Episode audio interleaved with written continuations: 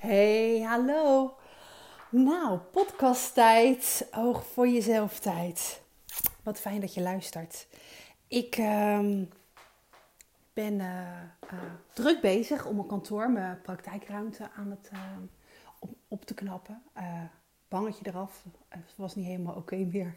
En een nieuw bangetje erop. En ik was bang aan het trekken. En ik bedacht me ineens, ik ga een podcast opnemen. Het is de dag na kerst. En... Um, en ik wil eigenlijk wel wat delen over de afgelopen dagen. Over, over kerst überhaupt.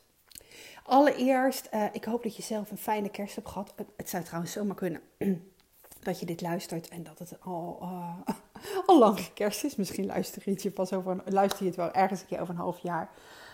Um, ja, ik, ik, ik neem deze podcast op uh, omdat ik het met je wil hebben over feestdagen. En feestdagen zijn natuurlijk het hele jaar door. Dus bedenk elke keer als ik het misschien nu over kerst heb, vul jij misschien Pasen of een verjaardag of een huwelijk of een weet ik van wat in. Van feestdag die je kent. Um, en ik wil eigenlijk met je delen, ja, um, hoe ik erin sta. Um, hoe het komt dat ik, dat ik de afgelopen kerst een hele fijne kerst is geweest. En, en, uh, en wat maakt dat ik dat jaren geleden ook echt wel anders ervaren heb. En dat er een hoop gedoe en shizzle was. Uh, dat ik vooral daar zelf ook iets in deed. En ik denk, um, ja, ik voel de behoefte om het van me af te praten. En tegelijkertijd denk ik dat er, dat, um, dat er genoeg mensen zijn die luisteren en die denken: oh ja, daar herken ik wel wat van. Um, heb je een super fijne kerst gehad en ken jij gedoetjes rondom met familie samen zijn of uh, ja, met feestdagen zo helemaal niet? Uh, dan sla deze podcast lekker over. Uh, maar als je enigszins wel herkent, eh, dat herkent of herkent dat jij op zulke dagen heel veel van jezelf geeft of veel bezig bent met, uh, met anderen, met dat anderen het vooral naar hun zin hebben, blijf dan vooral luisteren. Um, want, nou, ik zei het al, ik heb super fijne kerstdagen gehad. Um, en dat is wel eens anders geweest. En um, eerste kerstdag we hebben gelukkig een kleine familie, dus dat kon allemaal binnen alle maatregelen konden we afspreken. Uh, hebben we lekker bij mij thuis, um, bij ons thuis moet ik zeggen, geluncht. En, um, en s'avonds gewoon lekker zelf met mijn gezinnetje. En de volgende dag eigenlijk ook. We hebben heerlijk gewandeld aan het strand, Ries en ik samen. Het was gewoon heerlijk. Uh, mijn schoonouders zijn ook nog even langs geweest voor een kopje koffie. En, uh, en het was helemaal oké. En volgens mij was het oké voor iedereen waar we het samen mee gevierd hebben. En dat is super fijn. Want weet je, ik, ik, ik, ja, ik weet ook uh, hoe fijn het is als het voor anderen fijn is. Um, dat is een beetje ons thema, toch? Ik bedoel, uh, um, ja, het zorgen voor anderen, het, zorgen dat anderen het oké hebben. En hoe fijn is het dat het me nu lukt om, um, om het zelf fijn te hebben en volgens mij ook zo dat het voor anderen fijn is. En um, ik zei al, het is wel eens anders geweest. En ik denk dat het handig is dat ik, uh, dat ik je even meeneem. Um, ja, een beetje in mijn geschiedenis. Dan snap je ook een beetje waar de dingen vandaan komen. En ik, waarschijnlijk gaan er bij jou zelf dan ook wel wat triggers af van... oh ja, zo is dat dan bij mij uh, geweest hoeft natuurlijk niet één op één hetzelfde te zijn, maar waarschijnlijk heb je, begrijp je wel wat ik bedoel als je blijft luisteren. Um, trouwens, wat ik belangrijk vind om te vertellen is, um, ik vertel dit vanuit mijn perspectief. Dat wil natuurlijk niet zeggen dat alle betrokkenen waar ik al die jaren wel, wel of niet kerst mee heb gevierd, want het gaat ook over juist geen kerst vieren. Um, dat die er ook zo over denken of dat die er ook zo, over, ook zo in staan. Het gaat vooral, ik wil vooral vanuit mezelf vertellen.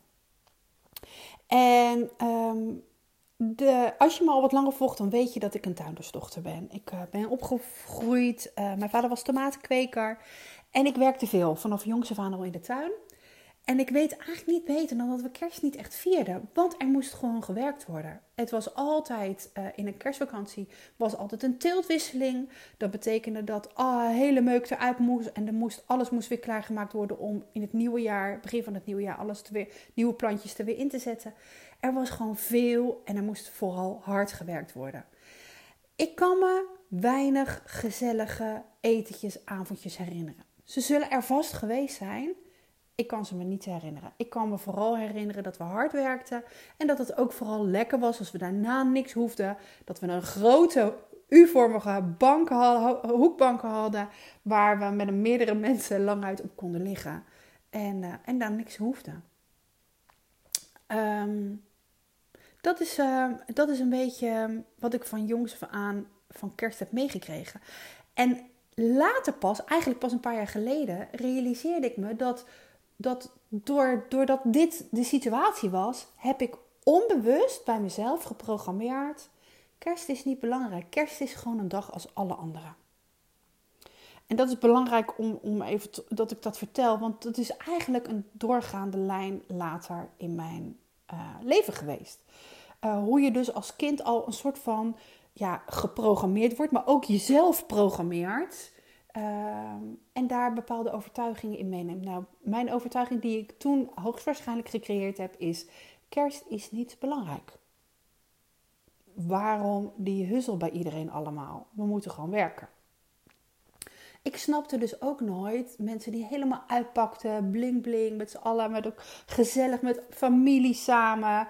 Uh, alles over de top. Dat, dat, dat rijmde helemaal niet met mijn beeld van kerst. Kun je je misschien iets bij voorstellen. Um, nou, dat is dus een herinnering die ik heb.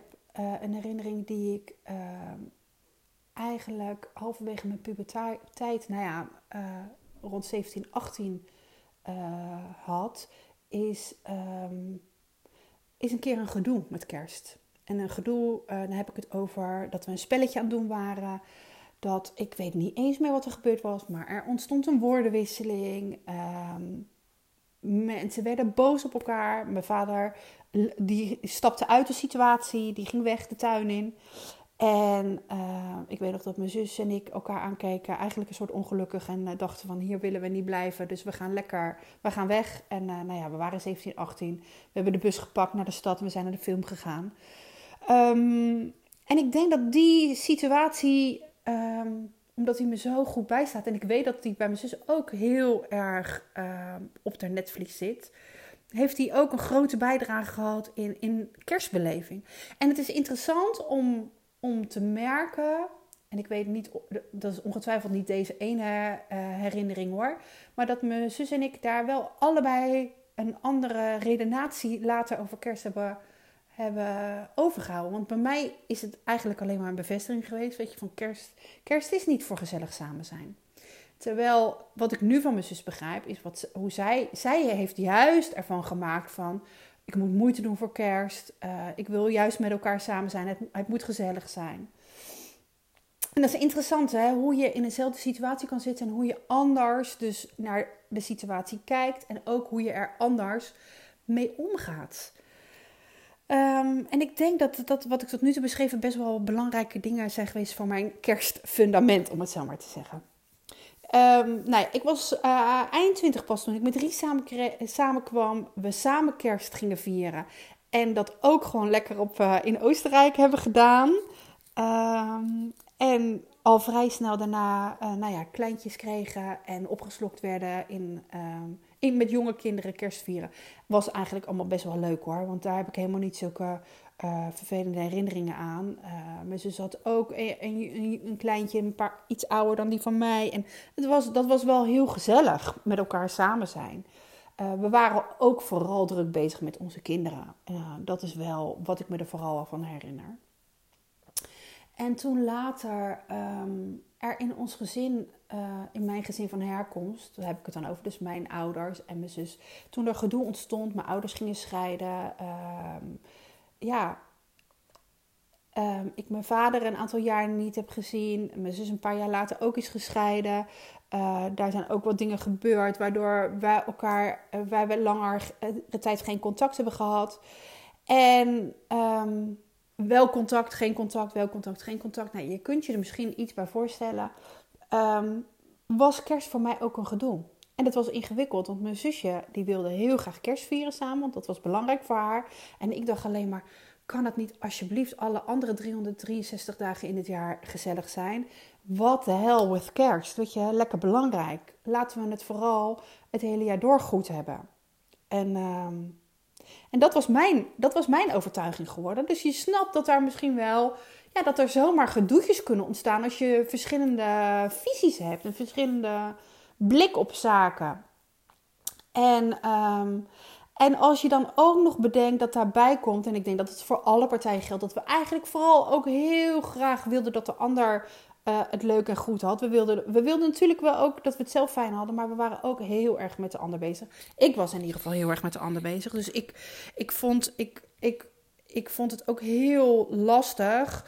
Ehm, wat ik deed eigenlijk, is ook meerdere malen, is gewoon kerst ontwijken. Dus dat betekende dat wij gewoon een windsport geboekt hadden met ons gezin. En ehm, ja, vond ik wel lastig, hè? want ik wist hoe erg ik mijn moeder uh, en mijn zus bijvoorbeeld daarmee teleurstelde. En tegelijkertijd dacht ik, ja, maar weet je, als ik er niet ben, dan kan er ook tenminste geen gedoe zijn. Uh, hoef ik me ook van tevoren niet druk te maken van wat wil ik wel, wat wil ik niet. Onwijs vermijdingsgedrag heb ik daarmee vertoond. En dat heb ik niet één keer gedaan, dat hebben we echt wel meerdere keren gedaan.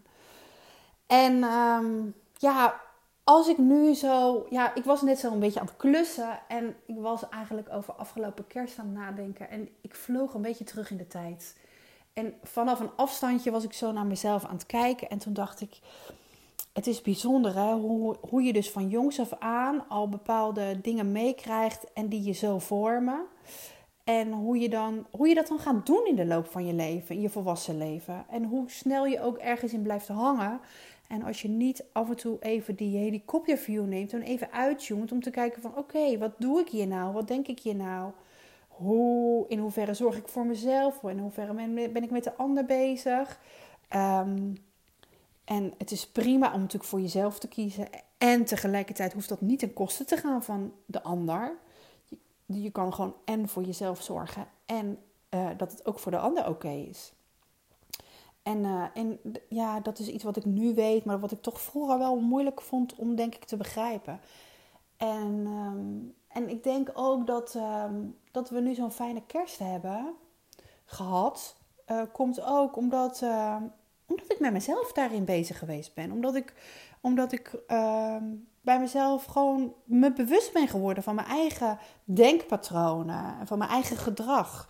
En, van, en vooral ook om te kijken van hoe, um, ja, is het, voel ik me er fijn bij? Uh, is het gedrag wat ik gedaan heb helpend of is er ook wat anders nodig? En ik denk, het, nou weet je wat ik vooral nog erover wil zeggen? Wat ik eigenlijk het meest interessant vond, dat ik op een gegeven moment gisteren, uh, of gisteren, eergisteren, dat we nog aan tafel zaten met, met onze jongens. En um, dat ik erachter kwam dat mijn overtuiging over kerst, van joh, het is maar een dag, we hebben niet te veel opgeprikte toestanden, we hoeven niet heel lang en heel veel en uitgebreid. Die jongens mogen gewoon ook met vrienden afspreken als ze willen. We zitten helemaal niet aan van alles vast. We kijken gewoon wat er voor iedereen goed voelt.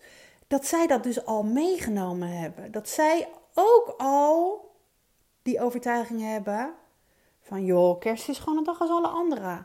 Waar maken we ons druk om? En dat ik echt dacht, oh, zo gaat dat dus. Zo geef je dus heel makkelijk iets door aan de volgende generatie. Zonder dat je er eigenlijk bij stilstaat. En ik, dat is een mooie om, om misschien na te denken. Zeker als je zelf kinderen hebt. Um, ja, hoe sta jij bijvoorbeeld in feestdagen in relatie met familie? En in hoeverre ben jij daarin, in de afspraken die je maakt, trouw aan jezelf, aan wat jij fijn vindt en waar jij behoefte aan hebt. En, en ook in hoeverre, um, ja, welke overtuigingen heb jij daar in de loop van je leven op gekregen? En welke geef je door aan je, aan je eigen kinderen? En dat is eigenlijk denk ik de reden waarom ik zo graag deze podcast op wilde nemen. Omdat ik dacht, jeetje, uh, ja, zo gaat dat dus. Zo, uh, ja. Nou, ik, ik weet je heel eerlijk, ik, uh, ik heb de afgelopen dagen ook op Instagram zitten scrollen.